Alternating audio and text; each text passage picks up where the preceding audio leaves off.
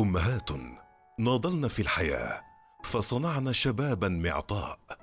أردنا برفقتهم أن نرسل لهن رسائل الامتنان على حمائم الحب والرحمة. رسالة إلى أمي مع إيناس ناصر. أهلا وسهلا في حلقة جديدة من حلقات رسالة إلى أمي. واليوم بروح صوب سالم أحمد الحبسي هاوي في مجال الابتكار وريادة الأعمال اللي حقق العديد من الإنجازات على الصعيد المحلي والدولي في أغلب معارض الاختراعات على مستوى العالم.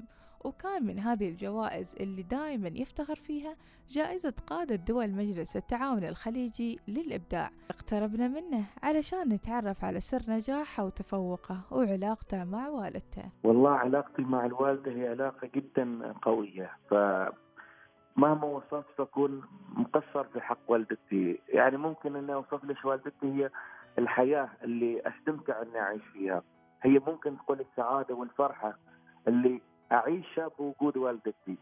أيضا ممكن تقول هي أيضا ما بس الأم الأم والزوجة والأخ والسند وال خلينا نقول الحضن اللي لو كل الدنيا ضدك وكل التحديات والمخاطر اللي عشتها فحضن واحد من أمك تنسيك كل حاجة.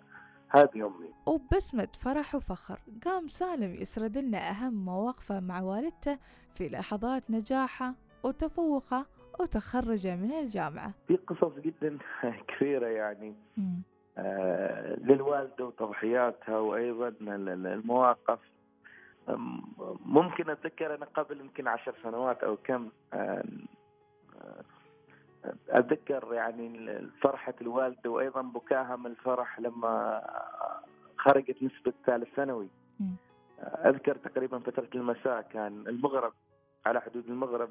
وحصولي على درجة الامتياز ودخولي جامعة سلطان قابوس كان هذيك الفترة. فمن الفرح أذكر أنها ما قدرت حتى تنام الوالدة وأكثر من مرة كانت تحضني وتبارك لي. فكان أيضا من الذكريات جدا جميلة على قلبي هذاك اليوم يعني. من غير التضحيات الكثيرة اللي ضحتها لأجلي اللي صنعتني اليوم سالم الحبسي. فكانت هي مصدر خلينا نقول القوة والإلهام لك آه بعد الله سبحانه وتعالى. ولما ندور الأم دائما نحصلها في كل تفاصيلنا فلازم نرد الجميل في الوقت اللي تحتاجنا فيه. وهذا اللي يسويه دائما المبتكر سالم مع والدته. صحيح كان موقف محزن لكن تعلمنا منه الكثير. كانت الوالدة من الناس اللي تضحي حتى بصحتها بوقتها بكل حاجة ولو أنت مقصر في حقها فهي ما توضح لك أنك أنت مقصر. أهم شيء أنك أنت تحب إنك تشوفك يعني منجز ناجح. فهي تفرح لما تشوفك. فكان من ضمن القصص أذكر مرة من المرات على أول اختراع يعني اشتغلت فيه كان عند الوالدة عملية عملية جراحية شوي خلينا نقول خطيرة. وكان أنا ما عندي علم بوجود العملية. على أساس إنه تعرفني إن كان عندي ذاك اليوم تقريبا نقول اختبار فاينل وأيضا كان عندي تقييم في أحد المسابقات الدولية. فأول ما عرفت إن الوالده بتدخل أحد الأخوات خبرتني إنها راح تدخل العمليات خليت كان عندي فاينل خليت الاختبار النهائي وخليت المسابقة. فكان أول ما وصلت إني تعرف أنت الشخص قبل لا يدخل العملية يحب الناس اللي حوله يشوفهم يعني. ف يعني كان جدا ثقيل في قلبي إنه والدتك تدخل عملية وأنت ممكن تلحق وممكن ما تلحق إنك تشوفها. فيعني كان جدا مؤثر بالنسبة لي هذاك اليوم وأذكر لليوم يعني خليت أنا كنت محضر وهي عارفة إني محضر للاختبار محضر للتقديم لهذاك لتلك المسابقة بس الحمد لله يعني وجودك مع والدتك أكبر نجاح وجودك مع والدتك في يوم هي تحتاج الجميع فكان جدا مؤثر بالنسبة لي يعني هذاك اليوم. والحمد لله يعني تولدت الطاقة أكثر وأكثر إنك تحقق المزيد من الأشياء وجود الجميع اللي حولك اللي تحبهم يعني. الله يحفظ لك الوالدة بكيتنا بكيتنا يا سالم. بكيتنا مواقفك اللي حكيتها. في يعني مواقف أو في أحلام الوالدة للحين تريد تحققها من في بعض الأمهات عندهن أحلام معينة هن يريدن يحققنها ما قدرن يحققنها ويريدن أولادهن هم اللي يحققوا لها. للأحل... هذه الأحلام في حلم في ذهن الوالدة تريد تحققه هو أهم حلم عند الأمهات تشوف أولادها ناجحين وسعيدين سواء معاها أو مع أسرهم. لما يتزوجون خلينا نقول.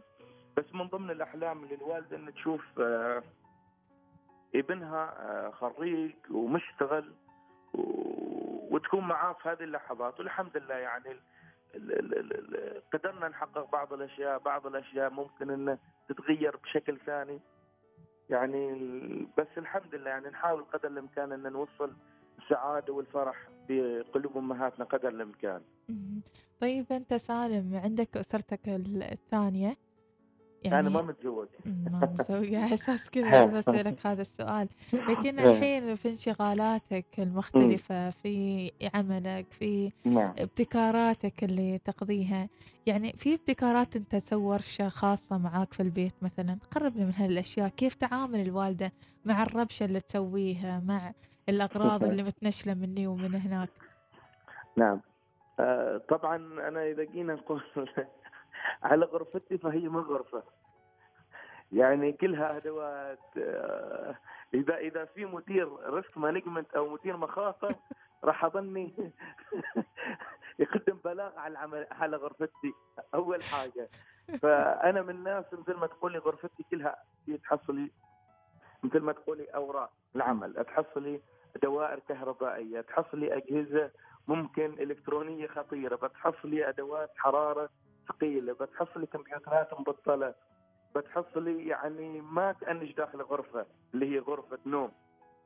فأنا من الناس يعني مثل ما تقولي عادي فكرة ابتكار تجيني في راسي وأقوم الساعة ثنتين أجلس أشتغل عليها فقط لأن ما أعرف كذا ارتبطت دائرة كهربائية في راسي وأروح اقربها يعني. على في الحقيقة فكانت الوالدة يعني جدا مشجعة. آه، في اي شيء يعني تعطيك الحرية بعكس الآباء شوية.